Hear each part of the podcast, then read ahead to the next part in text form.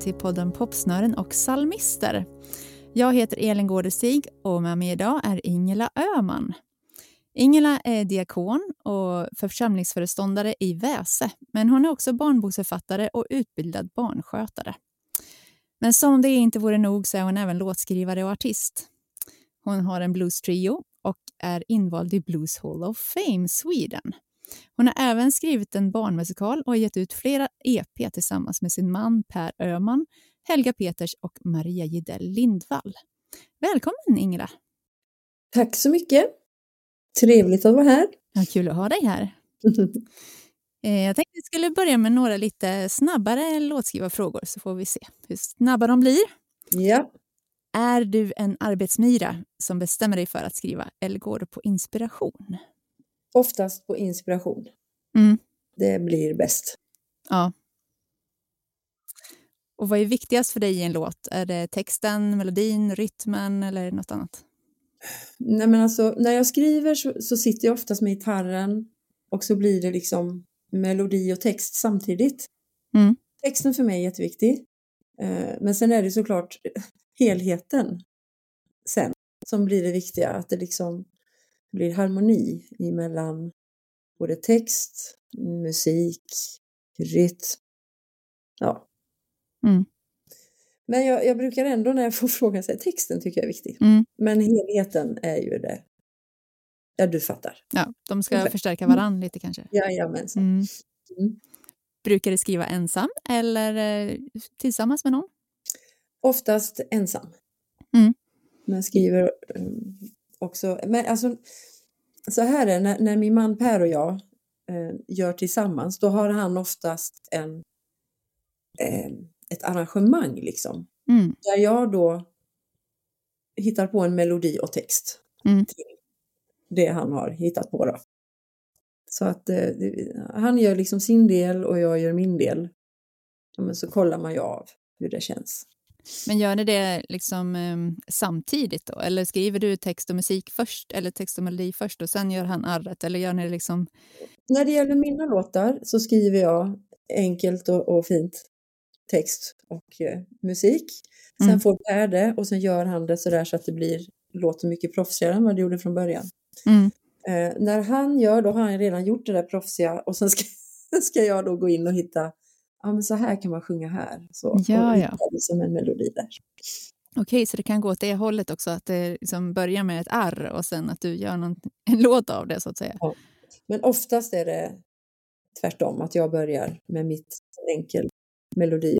Det låter enklare på något sätt. Ja, När man har en melodi och text att utgå ifrån. Men ja, ja men så är det. Men det går att göra på andra viset också. ja. Men då har han liksom bara, har han melodi klar då eller är det bara... Det är lite olika. Mm. Ibland är det liksom ingen melodi, ibland kan han ha något litet förslag lite här och där och sen försöker jag pussla ihop det sen. Vad spännande. Den processen skulle man vilja kika in i hur det funkar. Ja. Ja, ehm, har du någon favorittonart? Jag hamnar ofta i A eller C. Mm. Mm. Jag är ganska låg. ja, det har med det att göra, att du tycker Ja. att det Ja, stämmer. men det, det, känns bekvämt där så. Och sen så vill jag ju ha utrymme uppåt så man kan liksom waila loss där när man Mm. får chansen. När man får feeling. Ja. Ja, precis. Ja. ja, men vad bra. Då har vi pinpointat dig lite grann, vilken typ av låtskrivare du är. ja, kanske. Men eh, om vi börjar från början då. Eh, du hade en ganska tuff start i livet med en mamma som var alkoholist och sådär. Hade musiken någon roll i ditt liv redan då? Men jag har alltid, alltid tyckt om musik. Inte, jag har alltid sjungit. Tyckte det alltså jag, jag minns ju att jag hade en barnvakt när jag var sex år. Så hade jag en barnvakt som hette Lena och hon var 12. Och jag gissar att hon gick och tog sånglektioner. För sen när hon var barnvakt till mig så lärde hon mig liksom gå in i det här rummet och så står du och sjunger och så hör du din röst så här liksom. Mm. Så, eh, där tror jag det startade någonting, att jag blev medveten om min egen röst och hur den lät. Och, ja, men jag, jag hittade, eh, ja, men jag hade det liksom. Jag Mm. hade, Mm. eh, Jag hade musiken i mig på något vis. Så, så att musiken har alltid betytt mycket. Eller möjligheten att kunna sjunga, sjunga med bara. Eller så. Mm. Jag har alltid haft lätt för mig. Mina kompisar som spelade, jag hade ju inga fritidsaktiviteter som var liksom stöttade av några föräldrar, men jag hängde Mm. ju på eh, mina klasskompisar och det var någon som tog pianolektioner. Och jag kunde ju alltid hennes läxa mycket bättre än hon. Liksom. Okej. Ja. satt som farfar och spelade där så liksom. Jag hade väldigt lätt att lära mig, lätt för att lära mig. Mm. Det förstår jag nu när jag tittar tillbaka, att Mm. jag hade lätt för mig. Så musiken har betytt mycket på, på olika sätt. Mm. Men hade ni piano hemma då eller Nej, spelade nej. du hos någon annan? Jag spelade hos någon annan. Ja. Mm. Jag gjorde det mesta hos någon annan. Mm. Så var det. Mm. Mm. Sen vet jag att det var en Jerusalemkonsert som blev en vändpunkt för dig. Kan du berätta? Ja, då, då får man nog gå tillbaka lite. För, ehm, jag är ju inte uppvuxen i ett kristet hem då. Eh, Och eh, en av mina klasskompisar var med i SMU. Eh, Så jag hade två kompisar, vi var tre bästisar. Den ena var med i SMU, hon drog mig dit. Den andra festade jag med. Mhm. Mm. Och då gjorde vi helt andra saker. Mm. Men jag drogs mer och mer åt min kompis i SMU, för det var lite mer ordnat. Eh, eh, spännande familj, de pratade mycket, jag kunde sitta och lyssna. Och då drog, var det ju eh, den familjen som drog med mig på den här Jerusalemkonserten och då var jag ju liksom inte troende. Nej. Men jag var, tror jag, nyfiken Mm. ändå, för jag hade ju ändå varit med på några ungdomsträffar och så. Men när, vi kom till, när de sa att vi skulle på en rockkonsert, en kristen rockkonsert, så tänkte jag, hur töntigt är inte det? Liksom? Ja, ja, jag följer väl med då. För jag visste ju vad det var liksom i, den, i världen. hur det Mm. var. Mm. Så följde jag med och blev helt knockad. Mm. Dels var det ju bra musik och sen så pratade de ju så mycket mellan låtarna, eller Ulf var det väl som pratade då, och berättade om att det fanns en gud, det fanns någon som älskade mig och det fanns, alltså jag var som en svamp, jag bara Mm. sög åt mig precis allting. Och sen så gick jag hem, eller när vi kom hem, jag gick flera dagar och ältade det här eh, fram och tillbaka hit och dit och, och, och så till slut när jag satt ensam på mitt rum så, så gjorde jag som de sa att man skulle göra, knäppte mina händer och eh, så, så jag bad väl ungefär, finns du Gud så får du hjälpa mig med mitt liv. Mm. Och där och då så ehm, fick jag uppleva en sån frid. Mm. Alltså, det var som, jag hade aldrig, det fanns ju inte de- den känslan i mitt liv fanns ju liksom inte någonstans. Nej. Utan då, då var det liksom, ja men, en frid. Och så visste jag att något har ju börjat men jag hade ju ingen aning om vad. Nej. Men där och då började en omvändelse kan man säga. Hur gammal var du då? Då var jag, undrar om jag gick i nian kanske, 16. Mm. På mitt 17 tror jag, för vi hade, bestö- vi hade bokat en resa till Ibiza, några kompisar. Mhm. Och då hade jag gjort den här upplevelsen. Och jag hade pratat mycket med min extra familj då om detta att jag skulle resa iväg och så. Och de var ju jätteoroliga. Mm. Eh, och jag åkte iväg och eh, jag lyckades fortsätta sluta röka. Men jag var full i sju dagar. Mhm. Och så kom jag till min extra familj och Ingela som en av barnen hette där. Hon sa att vi har bett för dig. Och jag bara bröt ihop fullständigt. Låste in mig på toaletten och bara tänkte nu är det kört, nu har jag förstört allt. Och så fick hon då förklara att, att det här med förlåtelse och att man kanske inte blir färdig på en gång. Och, Nej, precis. Så Ja. jag fick förstå att det inte var kört fastän jag hade misslyckats så totalt. Jag hade Mm. inte presterat som jag skulle. Mm. Mm. Så det, det var en eh, spännande tid Mm. Kan man säga då. Men musiken, det, det var ju genom musiken som Gud nådde mig. Så var Mm. det, ju. Mm. det var lite häftigt. Ja. Ja, och sen började du spela gitarr. Ja, det- det var också i den här extra familjen, Mm. SMU-familjen då. Eh, mamman spelar gitarr. Jag tror väl att Ingel också gjorde det. Och så min bästis Annika då, jag tror inte hon spelar gitarr, men, men när jag var där så fanns det ju instrument. Mm. Så det var bara, Henny, hur tar man ett e-moll? Okej, och sen så spelar jag då. Ja. Och det här med rytmen och så i handen, det var liksom aldrig några problem utan det Nej. bara visste jag hur man gjorde. Mm. Och se då!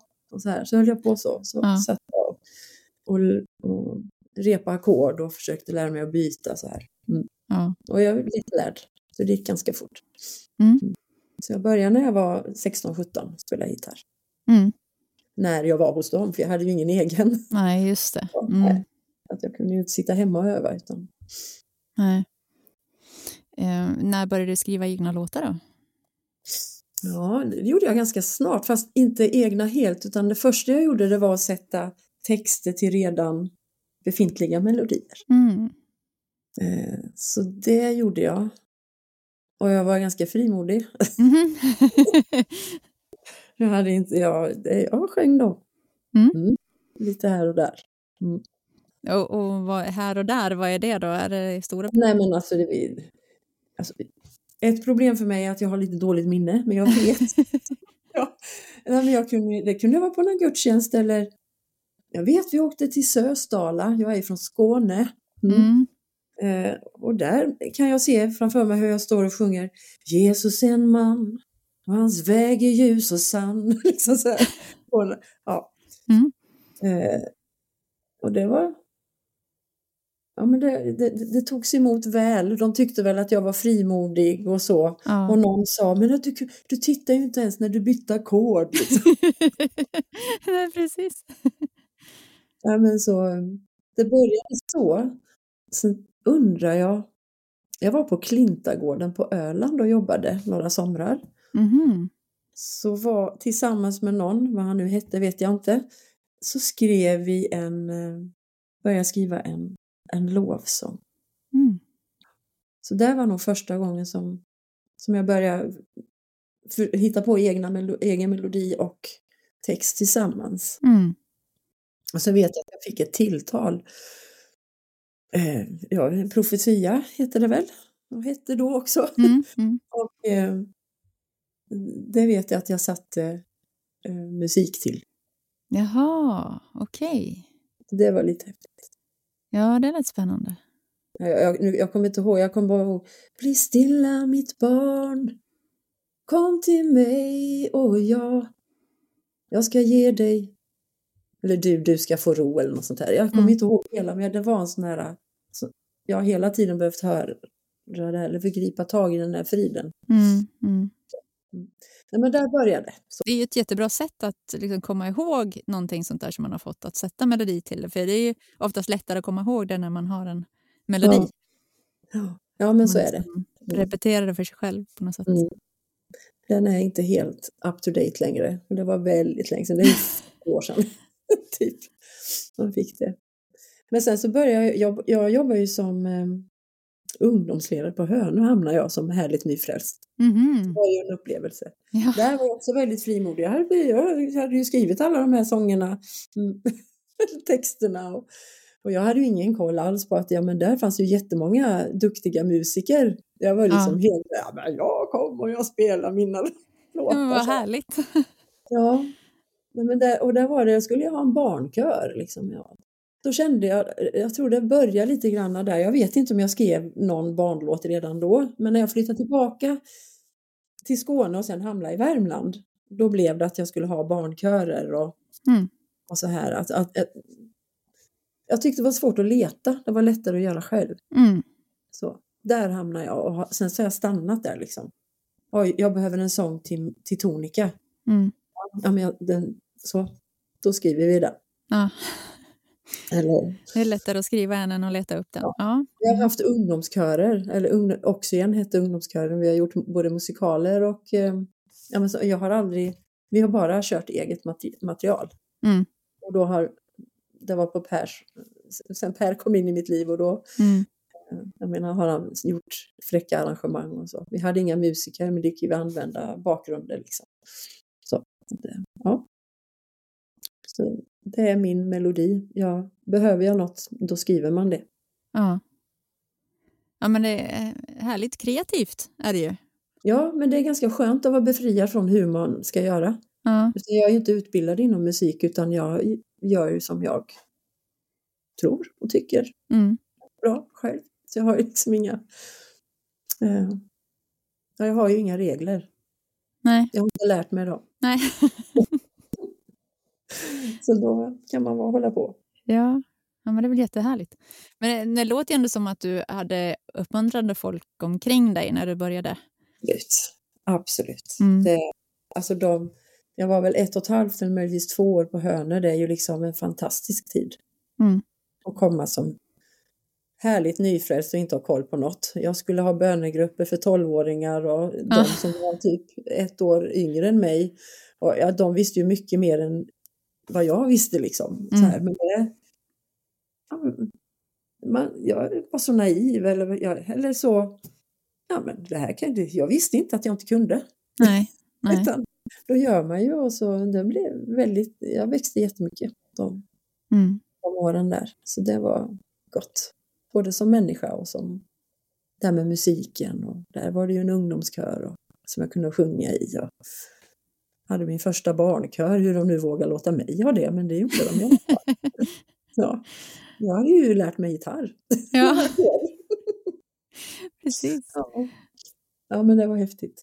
Jag vet ju, ja, det kändes bra för mig att vara där och jag tror att det kändes bra för dem också. För när jag, när jag slutade så, så sa dåvarande ordförande, ja, när du kom så trodde jag ju inte på det här, men nu, nu, nu är du som en av oss. Liksom. Ja, det var ju härligt att du vann över honom.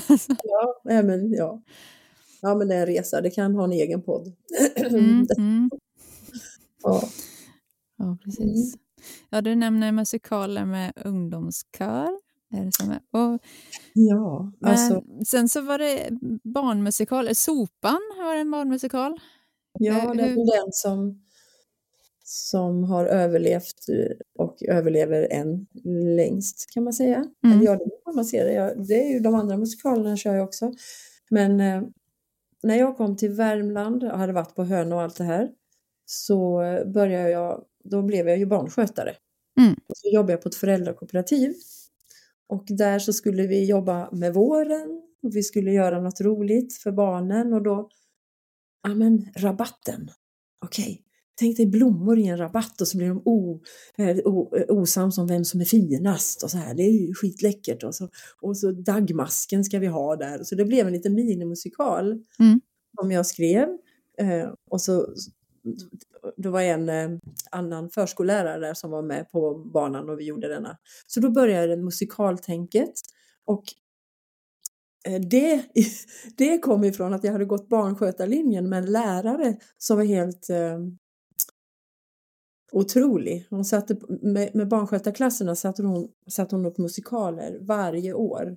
Mhm. Där var jag ju med och fick vara med och sätta upp eh, en musikal som heter Häxan som inte kan sjunga. Och då fick, Mhm.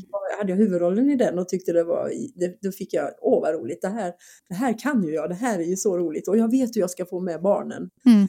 Och när jag då kom till eh, Gläntan så gjorde vi den här musikalen och sen så kom det en annons att man skulle komma på någonting som fick barn och vuxna att gå från ord till handling när det gällde miljö. Mm. Och jag bara, sopan och renlige Sven. Ja, jag, hade liksom figurer så här. Ja. Och så skrev jag en musikal och så sökte jag pengar och fick det. Mhm. Vi satte upp den här musikalen på, med den här extremt, eh, vad heter det, engagerade svenskläraren på, Ja. på min gamla utbildning då. Så vi satte upp den på Karlstad teater. Alltså det finns ju inte att en barnskötarklass kommer in där, men på något vis så hamnar vi där och det kom busslaster en hel vecka, höll vi- 15 föreställningar körde vi. Eh, Min, eh, mitt tredje barn Joel var då, jag höll på att amma. Så jag liksom, då var det fler som spelade den här hu- huvudrollen, sopan då. då. Mm. Eh, Och så var det en hel barnskötarklass och så när jag liksom var inne och hade, då, då hade jag ju en hel klass som skulle lä- lära sig att ta hand om barn. Ja. Så jag, ja, men, vi körde den här och sen eh, använde jag pengarna till att åka runt och hälsa på i klasser där de hade liksom, de skrev, jag fick högar med teckningar, det här gör vi för miljön. Och så Mhm. jag dit och eh, delar ut diplom. Och när jag gör det så föds enmansföreställningen. För jag tänkte jag kan inte bara åka dit. Inte, liksom. Utan då blev det en enmansföreställning. Som jag sen har åkt runt med och hon fyller i år 32 år. Mm. Mm. Så, så där, där började verkligen det här skriva för barn. Mm. Började för 35 år sedan och Sopan kom till då. Och efter det så har jag gjort fler musikaler som inte är lika kända men som, som jag har använt med, med skolklasser eller med barnkörer eller så här. Mm.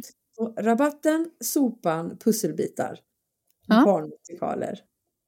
Och sen så har vi gjort med ungdomskören Ox- Oxygen då. Så gjorde vi två musikaler. Eh, här är jag, där är du och Vägval. Ja, det var också två så häftiga projekt där det, eh, John och Karina Persson heter ett, en danslärare och en skådespelare som var med och regisserade och koreograferade. Så helt fantastiskt eh, jobb som de gjorde. Så jag, det är så otroligt att, att fått vara med Mm. och jobba med andra på det viset. Mm. Att, att de kunde göra det som vi hade gjort som grund, eller jag hade gjort som grund, till något fantastiskt. Mm. Ja, det. Så det musikaler, det är ganska många musikaler som Mm. har blivit gjorda.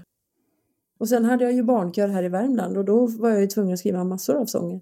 Och då gjorde jag de första tillsammans med Lars Eliasson då som var min dåvarande man. Mm. Och sen har det bara fortsatt. Mm. Sen har jag haft. Och så blev det ju den här boken Zlatan. Just det. Ja, det, det, det är rätt roligt att se tillbaka och se vad mycket man har gjort. Ja, väldigt produktiv. Ja. Men om, man, om du ska göra en musikal, då var, vilken ände börjar du? Ja. När, det, när sopan då blev det ju liksom att man, man hade temat klart. Liksom. Mm. Och så, så ploppar det upp figurer. Och så ska det ju vara under. Då, alltså jag, jag sätter mig och skriver och så efterhand så blir det en handling. Och så, Mm. här fattas det något, här får vi lägga till något. Ja, men jag, jag bara börja skriva. Okej, här behövs det en låt. Det ska vara en låt. Sen ska det vara lite olika stilar på låtarna. Och så, så att det blir lite, så det händer någonting. Mm. Så. Mm. så. Sen vet jag ju, jag vet ju inte att jag inte kan. Så jag, så jag kan. För du har inte gått någon teaterskola eller något sånt där. nej, nej, nej, Nej. det har jag inte. Men jag vet att jag kan fånga barn. Mm. Och då, då räcker det liksom. Alltså sopan hade ju inte överlevt om, om, om, inte jag hade vetat hur, man, hur, hur jag ska nå dem. Nej, precis. Nej men barn älskar sopan tydligen. Och det är ju jätteroligt. Ja, det- ja nej, men du har ju även en eh, blues-trio. Eh, hur bildades den? Ja, det började för, är det 13 år sedan nu kanske? Jag kommer inte ihåg riktigt när jag började. Vad har jag skrivit till dig? 2012 kanske? Ja, det var det nog.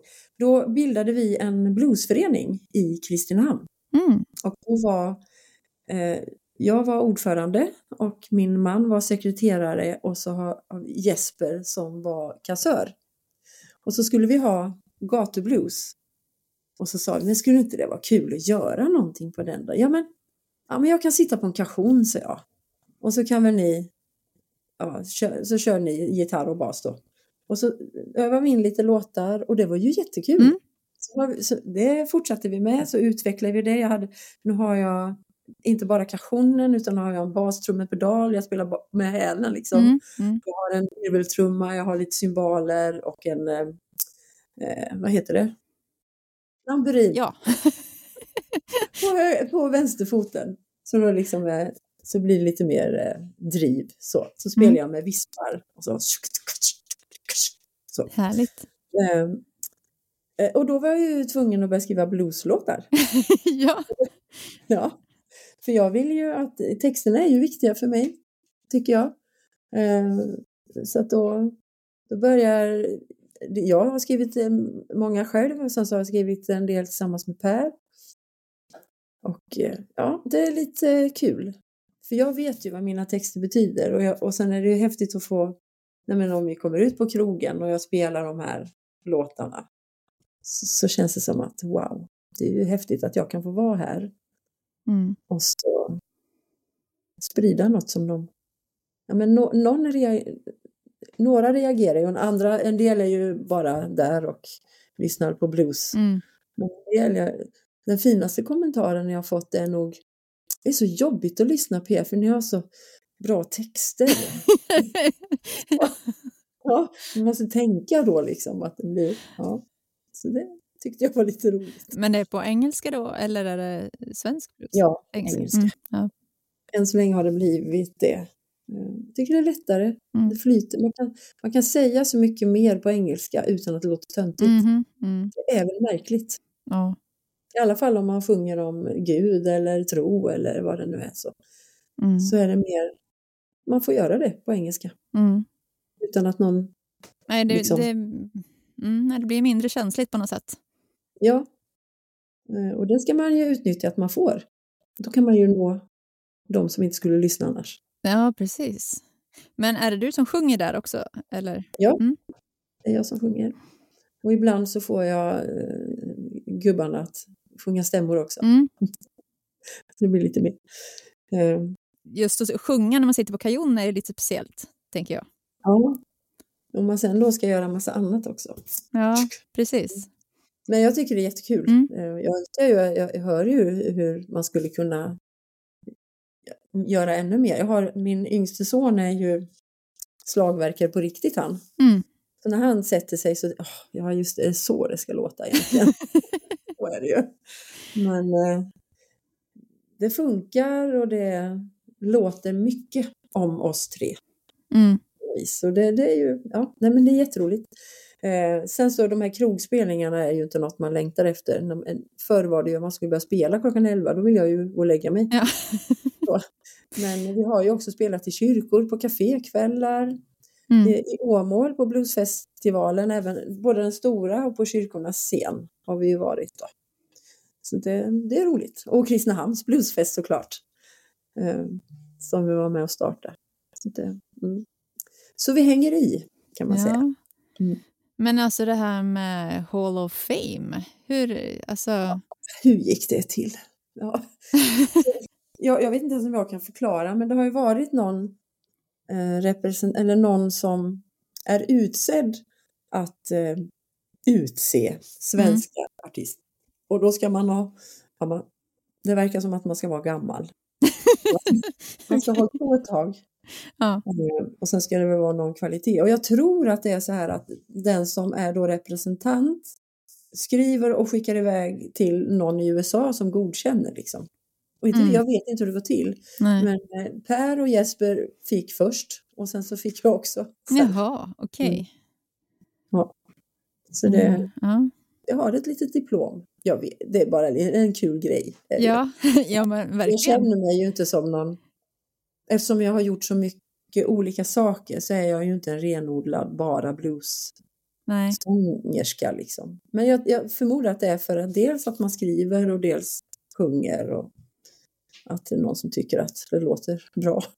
Kanske. Ja, men det är väl jätterolig uppmuntran om inte annat. Ja, ja men visst. Det, det är det. Mm. Jag vet inte hur högt det smäller, det vet jag inte, men Nej. det känns roligt i alla fall. Ja, lite mm. fränt är det, absolut. Ja. det är fränt. Men sen har du det här samarbetet med ja, dels din man då, och sen Maria och Helga också. Eh, hur, ja, eh, alltså det är ju mer, det är ju Helga, vår mm. kompis då, som skriver låtar. Och så vill hon då ja, men, dokumentera dem, göra att Per har hjälpt till med arrangemang. Hon spelar piano och eh, kommer med sitt pianospel och så. Och sen så brukar Maria och jag få hjälpa till att sjunga då. Mm. För hon tycker inte själv att hon är någon solosångare. Mm. Och så, så det är ju en liten kompisgrej kan man säga. Ja. Så det, det, är roligt. Jag tycker Helga gör fina låtar och det känns roligt att få vara med och sjunga då. Mm. Men är det, när ni spelar in då, gör ni det? Är det Per som spelar in och allt sånt? Och, och då är på? vi här i våran studio. Han mm. Spelar in arrangemangen och så. Mm. Och eh, Helga lägger pianot. Och sen så, så sjunger vi in här uppe. Mm. Hur länge har ni haft en hemmastudio? Ja, vi har varit gifta i 23 år och då har det funnits. Mm. här har hållit på innan också såklart. Ja. Mm. mm. Men, Ursäkta. Mm. Är han utbildad producent eller hur? Nej, han är också sådär befriat. Eh, självlärd. Självlärd. Ja. Ja. Nej, men han, är, han är, jag tycker han är jätteduktig på det och han eh, spelar gitarr, duktig gitarrist. Han spelar också väldigt bra bas och väldigt bra piano. Eh, sen, ja, men så, så tycker han om att göra, det är inte bara tre ackord liksom, utan det är han färgar och han gör sånt som inte jag begriper, men det blir bra. Mm. Tycker jag. Mm. Eh, ja, men han har ju, både han och jag har ju ändå, fast vi nu inte är utbildade, har vi ändå haft möjligheten att jobba på eh, musikskolan här i Kristinehamn. Kulturskolan heter den ju nu. Mm.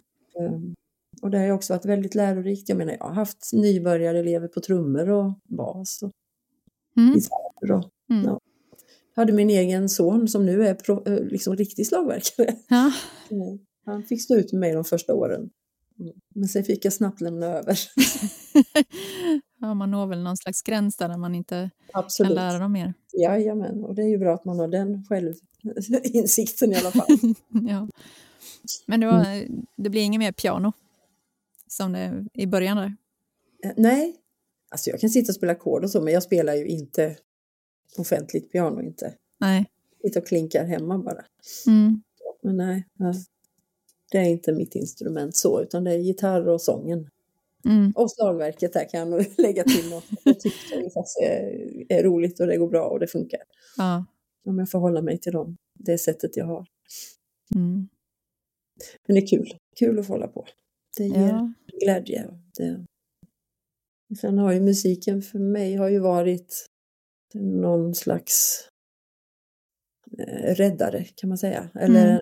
ja, det har ju varit en livlina och ett sätt att, att eh, ta itu med eh, olika känslor och situationer som man varit med om. Då. Mm. Ja, du, du har pratat om att du har använt det som bearbetning mycket. Eh, att skriva sånger och sådär. Men har du använt det mycket för att bearbeta din uppväxt och sådär? Eller? Ja, men det, det, det har jag ju. Eh, först nästan omedvetet och sen när man tittar tillbaka så eh, är det ju, så ser jag att det är ett sätt att, att ta handskas med det som finns inuti. För det tog väldigt lång tid för mig att, att fatta att även om jag är vux- till, både barn och vuxendöpt, för jag var, det var väldigt viktigt för mig att jag fick begrava det gamla och sen inte behöva ta i det något mer. Och sen så började mitt nya liv. Mm.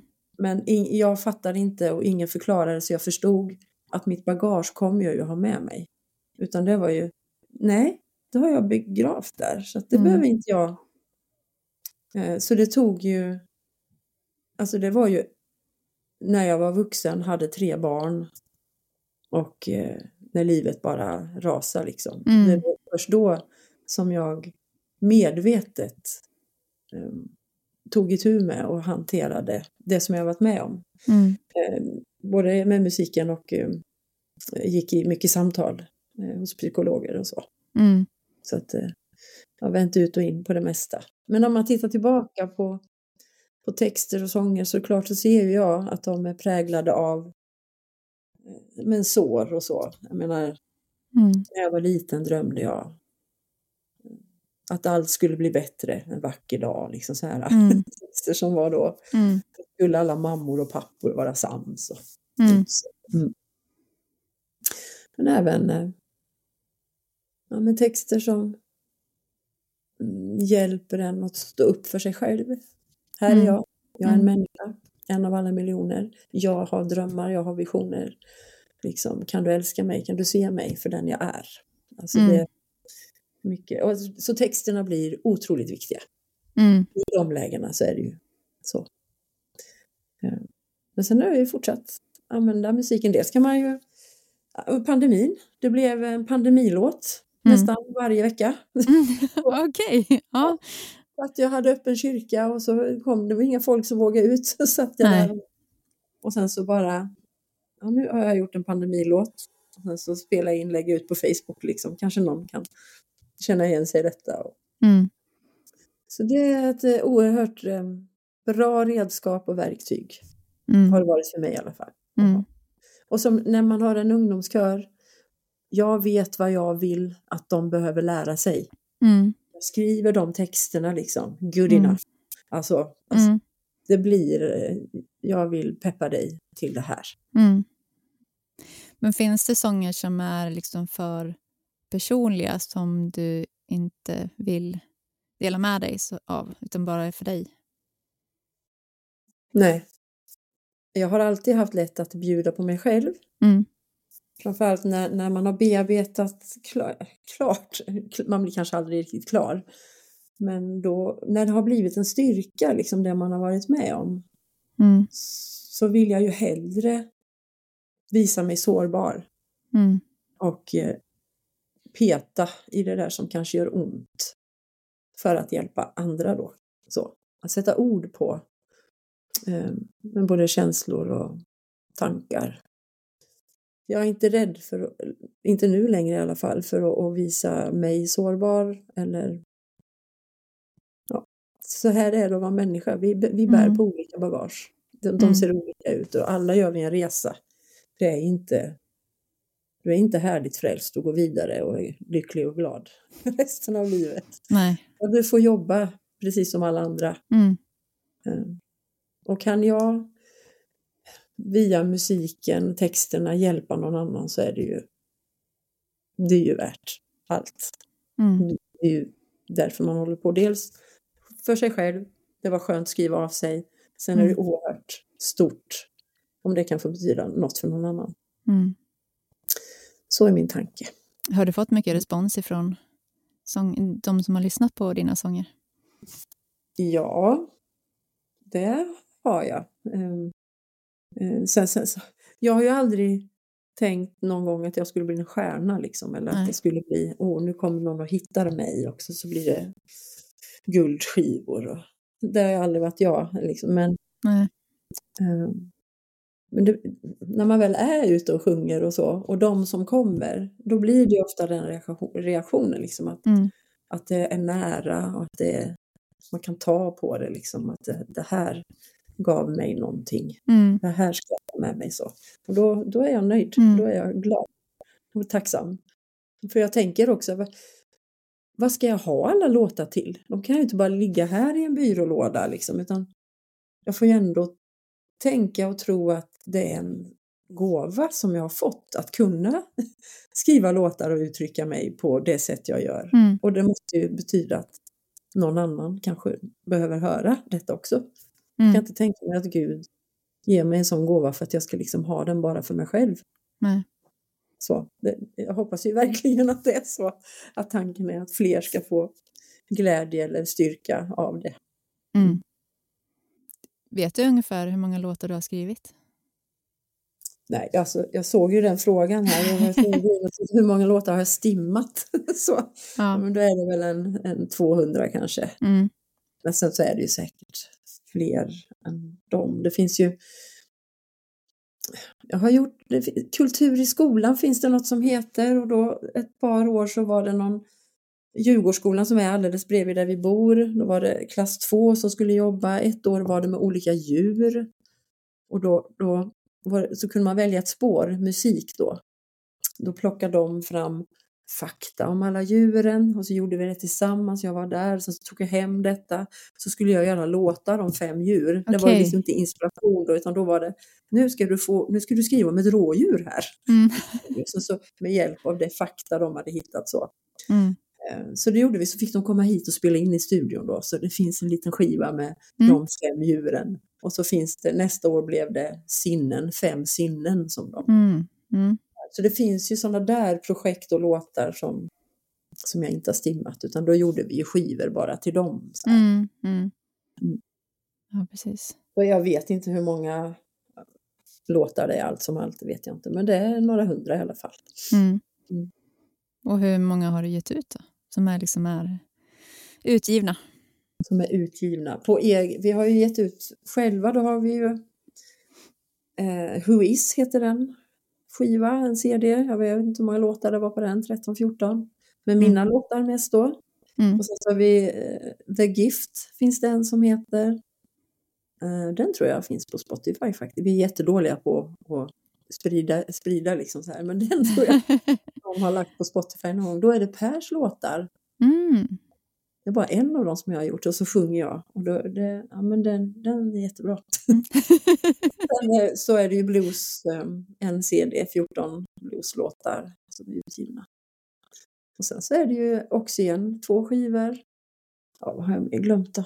Ja, vi gjorde någon kassett som heter Abris. Jag, kallar, jag heter Abrahamsson som ogift. Jaha, okej. Okay. Abris minns jag, det finns en kassett vi spelar in i Lagan hos Bengt-Ivar Johansson. Mm. som hade en studio då. Uh, och sen så har vi ju gjort uh, som, inte ut, som vi bara gjort för egen del med barnkörer och så. Mm. så. Mm. Det är några CD-skivor med lite olika innehåll. Och så Zlatan-boken, där är det ju en CD mm. till den och Sopan, där är en CD till den. Mm. Men inte till Rabatten och Pusselbitar har jag inte gjort något. De, de har ju vi bara Ja, okej. Okay. När man sätter upp, eller om det är någon annan som vill sätta upp så får de musiken av oss. De får göra det. Mm. Men har ni tagit fram not, noter så till det? Eller? Eh, ja, vi har nog både till rabatten, sopan och pusselbitar. Någonstans mm. finns det noter. Mm. Mm. Jag är inte så bra på det här med att skriva noter, men det finns ju notprogram. Ja, men precis. Ja, men det är väldigt smidigt faktiskt. ja, det brukar vara Per som sitter och pillar med det. Och... Skulle du vilja ge ut fler låtar om du hade möjlighet? Ja, alltså det är ju så. Jag jobbar ju 100 procent mm. som diakon. Eh, och sen så gör jag ju sopan i mån av tid. Mm. Jag är fortfarande ute och gör sådana föreställningar. Mm. Eh, så, så, tiden finns ju inte Nej. Till att göra. Och vi har ju, det ligger ju liksom flera nya blueslåtar som vi inte har fått tummen ur. För då får vi ju andra projekt, typ den här Sommarsill som tar upp tiden i studion. Liksom. Så mm. Vi gör ju fler arrangemang till andra också i studion. Då blir vårat liksom på vänt. Mm. Så det är klart om, om man visste att man kunde leva på det liksom så skulle det vara roligt att kunna göra ännu mer. Mm. Men jag tänker det blir när det blir. Vi har ju ändå dokumenterat ganska mycket. Mm. Men skulle du vilja leva på det helt, musiken? Jag har aldrig funderat på hur, hur det skulle vara. Men eh, det känns ju inte så lockande att ligga ute på turné hur länge som helst. Nej.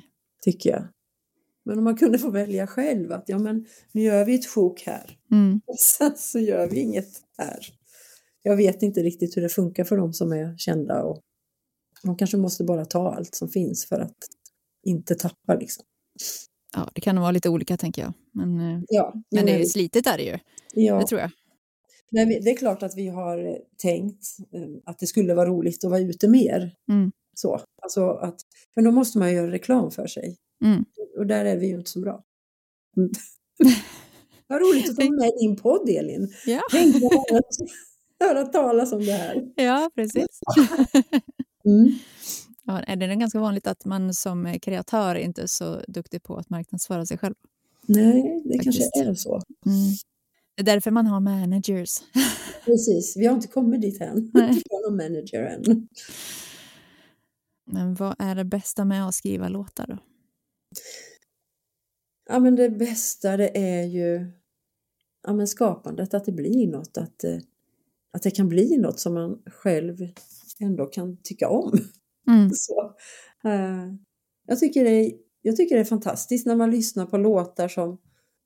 Alltså vi, vi kör ju fortfarande låtar som jag skrev för 30 år sedan. Mm. Och så kan man tänka, alltså när man lyssnar på de där äldre CD-skivorna, liksom, men har vi gjort det här? Hur gick det till? För då kommer man inte riktigt ihåg hur, hur det gick till. Nej. Hur kunde vi komma på det här? Så det, tycker jag är lite, det tycker jag är roligt.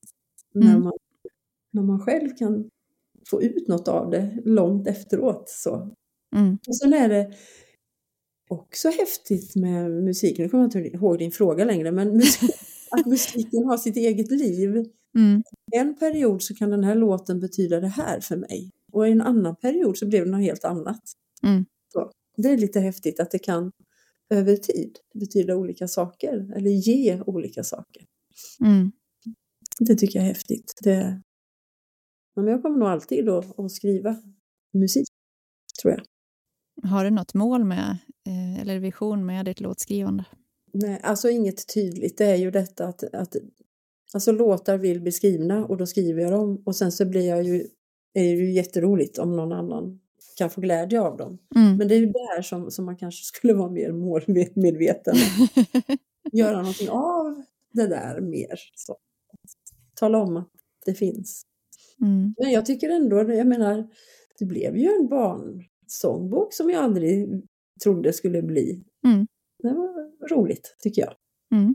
Att det, det finns kvar liksom. Och sen även, ja men det blev en sopanbok som jag tänkte länge, länge att det borde det bli. Mm. Att det ändå blev det. Och där är ju alla låtarna med också. Mm. Och hur, ja, hur kom det sig då att det blev en bok? Ja men det var ju nog det att jag tänkte att, att um, det här, den här berättelsen, att det fortfarande efter 32 år behöver um, att man behöver den här berättelsen för att inspirera barn och vuxna till att sortera sina sopor. Det trodde man ju inte för Nej. 32 år sedan, då skulle det väl inte behövas Nej. längre. Men så är det ju inte. Och då tänkte jag så här att, att, eh, att jag vill ju att den här ska leva kvar. När jag inte orkar göra föreställningen längre Mm. så vill ju jag att mina barnbarn och barnbarnsbarn ska få ha den här boken om sopan och veta att det är min farmor eller min gammelfarmor som har gjort den här. Och det, sen så hade jag en eh, ungdom ifrån Degerfors, hon är väl inte så ung längre men då en, när jag jobbar, jag jobbar som ungdomsledare i Degerfors och där var det en, en tjej, Lina, Lina Sandell, som höll på att rita och så här och, och jag såg på hennes Facebook att hon hade, alltså hon hade gjort så mycket fina saker. Och, och det, det blev så bra. Hon gjorde teckningarna och det blev bilderna, illustrationerna heter det väl. Och så berättelsen, det är ju som föreställningen nästan. Mm. Och eh, ja, sen när boken väl fanns där så kändes det väldigt skönt. Och sen så blev det ju frågan, men kommer det här att funka om man inte har sett sopan? Mm. Och så fick jag ju då så många den responsen att ah, de vill bara läsa sopanboken på förskolan. Liksom. Det är bara det tiden. och, så här, ja, så, och de är sopan-fan liksom. Och, så här, det var liksom, kom tv-kändisar nästan för att de hade sett på något Youtube-klipp eller något. Det här, något som man spelar in. Så. Ja, kul. Ja, men så, så, alltså själva storyn och sopanfiguren, den bär sig själv. Liksom Mm. så. Eh, eh, Så det, det, jag är jättestolt över det och jätteglad Mm. att, eh, att sopan lever. Sen är det ju tråkigt att det behövs. Mm. Men det är klart det kommer ju nya barn hela tiden. Men Ja. det är inte barnen som är dåliga på att sortera oftast. Men det var ju själva tanken med den musikalen. Vi måste börja med barnen som Mm. talar om för sina föräldrar. ja, just det. Jag är väldigt stolt över det. Det är väl det mest kända jag har gjort. Jag åkte Mm. runt i, i tre år så jobbar jag ju bara med det, åka runt i, i Sverige och göra. Okej, så då var det heltid? Den. Ja, i Ja. tre år var det, Ja. gjorde vi det. Eller gjorde jag det. Men sen så började jag jobba och sen så levde det ändå kvar och så. Mm. Men då har du ju provat på att leva på musiken, eller det du har gjort i alla fall. Ja, alltså jag, tänkte, jag tänkte inte så mycket på det då, men det gjorde jag ju. Ja. Men då var det, det var ju också, men då var det ganska skönt för då kunde man ju göra tolv föreställningar på fyra dagar. Liksom. Mm. Sen var man helt slut, men då kunde Mm. man vara hemma tre veckor. Sen kunde man gå och göra tolv föreställningar på fyra dagar. Eller tre dagar var det till och med. Mm. Jag körde ju fyra föreställningar om dagen ibland. Oj. Ja, det rätt- låter tufft. det går inte nu kan jag säga. Två kanske. Tre på sin höjd. Ja, det ser man. Ja, så länge jag kan hoppa och trilla, alltså komma upp igen, då har jag att jag ska köra så. Så nu mina barnbarn, jag har ju sju barnbarn.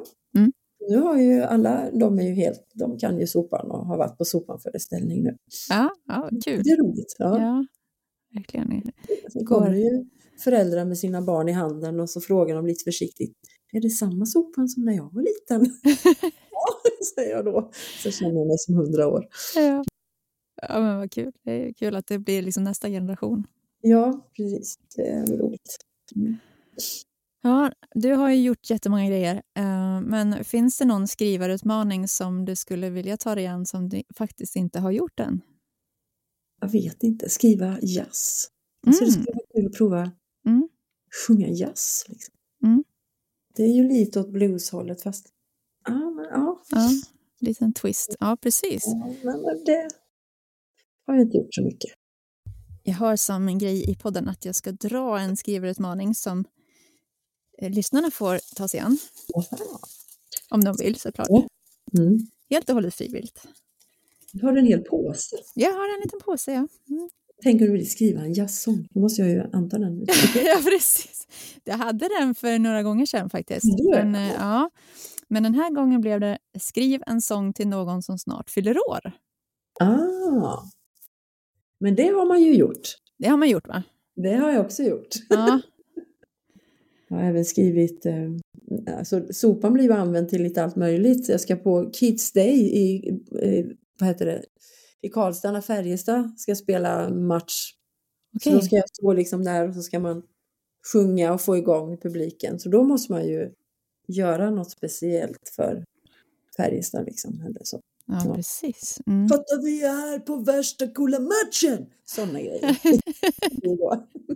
det ska alla vara med och. Ja. Ja. Mm. Men jag tänkte på det också, för, för du sa ju i början att du skrev mest på inspiration.